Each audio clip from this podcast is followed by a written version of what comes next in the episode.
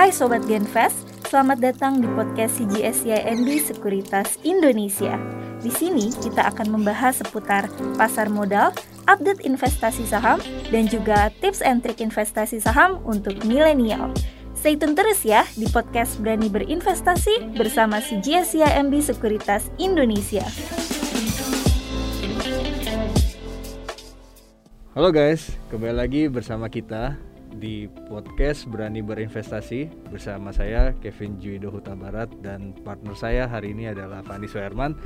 Nah, kita mau ngomongin apa kali ini? Kita mau ngomongin adalah view saham CPO setelah pungutan ekspor digratiskan. Nah, tentunya teman-teman uh, ini berita terbaik juga nih katalis positif juga. Nah bagaimana kelanjutannya? Kita akan bertanya-tanya dengan Fani. Sebelum itu saya mau menyapa dulu Fani Suherman di sebelah kanan saya nih dari badan saya ya tentunya. Halo Fani. Halo Kev. Gimana kabarnya? Baik-baik. Kamu ya, juga baik ya? Tentunya Fan pastinya kita selalu dalam keadaan baik dan mudah-mudahan COVID-19 ini terusnya akan melandai sehingga kita terus beraktivitas ya di kantor. Yep. itu harapan kita gitu ya.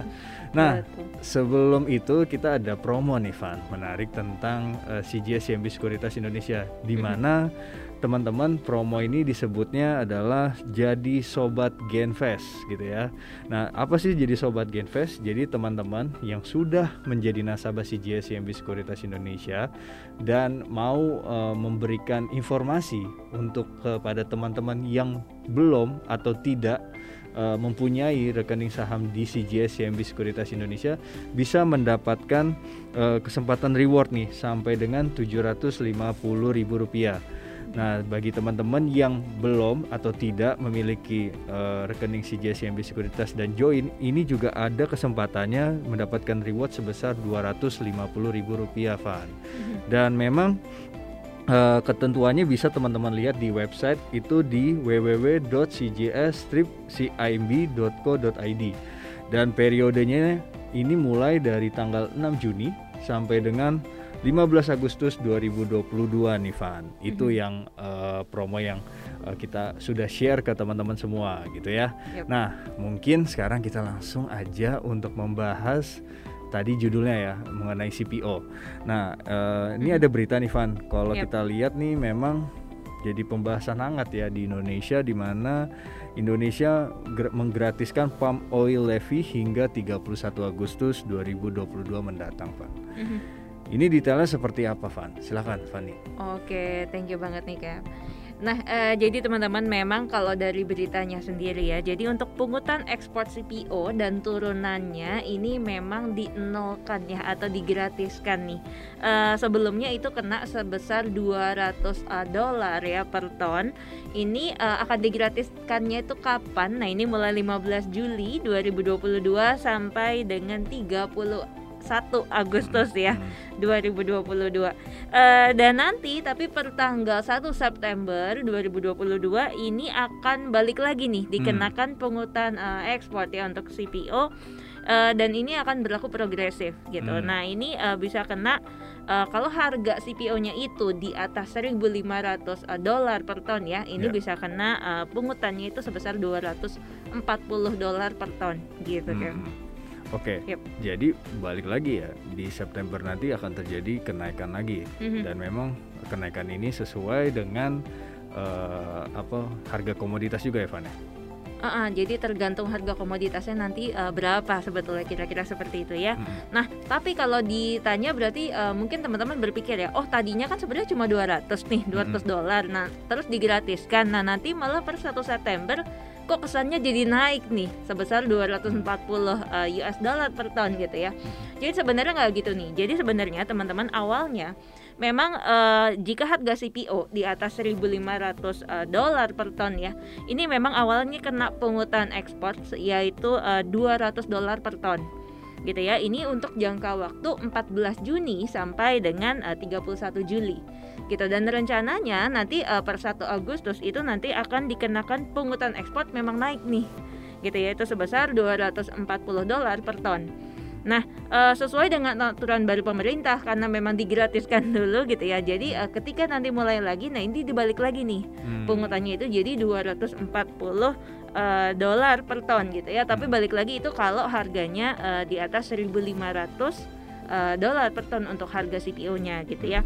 Nah, tapi kalau nanti sebaliknya nih teman-teman, katakanlah di 1 September ternyata harga CPO-nya nih belum di atas 1.500 gitu ya. Hmm. Katakanlah masih di range uh, level-level sekarang yaitu di sekitar 1.175 per ton. Uh, nah, ini bisa dikenakan pungutan ekspornya itu sebesar uh, 200 dolar per ton. Kira-kira hmm. kayak gitu nih, Kev. Oke. Okay. Nah, -hmm Uh, tadi kan sudah dibahas Evan lebih detail hmm. dan teman-teman juga tadi udah denger ya mengenai uh, apa uh, pungutan ini gitu. Nah sebenarnya alasan dasarnya kenapa adanya relaksasi ini bisa diterangkan nggak Van lebih dalam? Oke, okay, thank you. Nah, uh, sebenarnya kalau ditanya kenapa sih akhirnya uh, pungutan ekspor ini di uh, nolkan atau digratiskan ya?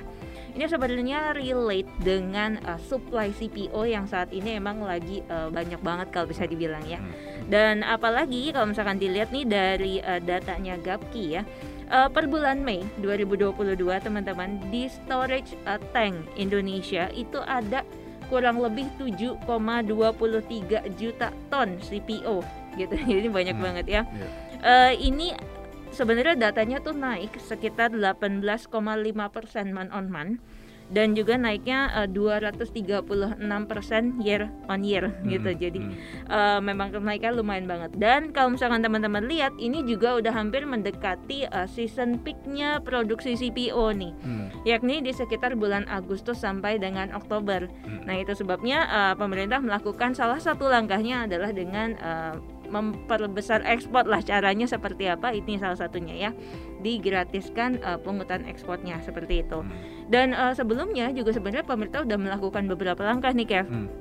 jadi contohnya uh, udah cut export taxes ya kan? Terus yang kedua ini udah menaikkan uh, rasio DMO untuk CPO nih di mana rasio sebelumnya itu lima kali dinaikin jadi tujuh kali.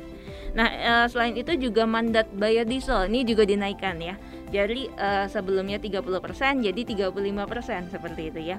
Dan uh, tujuannya balik lagi sebenarnya untuk meningkatin demand dan juga meningkatin ekspor supaya suplainya itu turun. Istilahnya hmm. seperti itu. Oke, nah yang jadi pertanyaan gini Van, kalau mm-hmm. misalnya adalah uh, yang tadi dijelaskan adalah yep.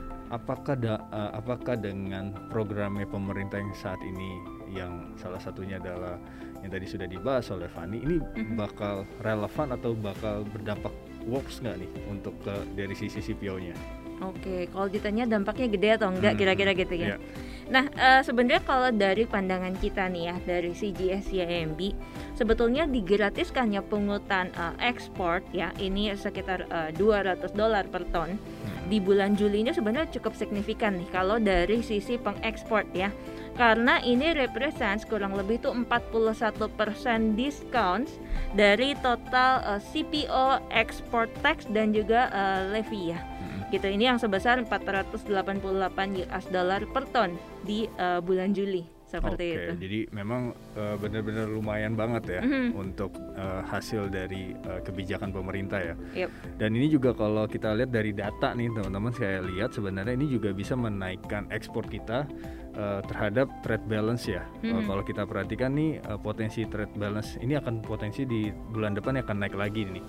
Dan kebetulan juga sebagai gambaran dari uh, ekonom kita di CGS CMB Sekuritas Indonesia di mana memproyeksikan untuk tahun 2022 ini akan ada surplus 0,6% uh, of GDP ya. Jadi hmm. itu uh, poinnya ya untuk dari sisi uh, trade balance kita gitu ya. Yep. Nah, uh, nextnya nih Van, yang jadi pertanyaan kita adalah berita-berita pungutan ekspor ini kan digratisan memang untuk semua saham-saham CPO yang udah naiknya lumayan ya. Hmm. Nah, uh, kalau kita bicara gimana sih sebenarnya view kita melihat sektor ini uh, mm. secara middle term atau bisa jadi uh, short term atau long term silakan Pak.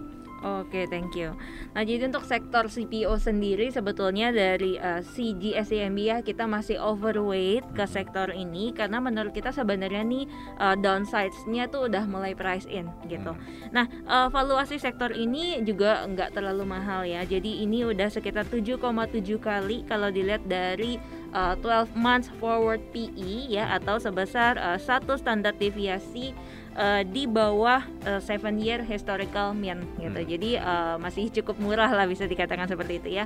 Dan untuk sahamnya ini sebenarnya kita prefer ke uh, company yang punya uh, strong production growth trends pertama dan kedua itu dia uh, sangat memperhatikan yang namanya faktor ESG gitu. Nah ini misalnya apa? Misalkan dengan uh, pertama DSNG ya, ini ratingnya kita nih masih uh, at ini target price di 570 teman-teman Terus juga ada TAPG, ini juga ratingnya at ya target price-nya di 685 dan untuk LSIP ini juga targetnya masih at dengan target price di 1250 hmm. gitu. Nah, tapi kalau ditanya nih dari antara tiga itu topik kita yang mana, sebenarnya kita lebih prefer ke arah DSNG nih teman-teman. Hmm. Karena kalau ditanya kenapa katalisnya, uh, ibaratnya mereka tuh adalah plantation dengan umur tanaman yang termuda nih hmm. dibandingkan dengan peers di uh, plantation yang uh, kita cover hmm. seperti itu. Jadi makanya kita lebih prefer ke situ dan juga uh, yang kedua adalah DSNG ini juga lebih apa ya concern ke ESG gitu ya. Hmm. Jadi dia hmm. punya sertifikasi internasional dan juga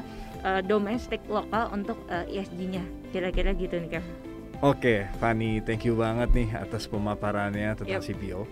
Dan tentunya buat teman-teman semua, semoga ini juga bermanfaat ya, karena kita sudah membahas uh, sektor CPO yang di mana ini uh, relate banget nih dengan berita-berita yang terjadi saat ini mm-hmm. gitu ya dan tentunya Fani thank you banget nih sudah hadir di podcast kita.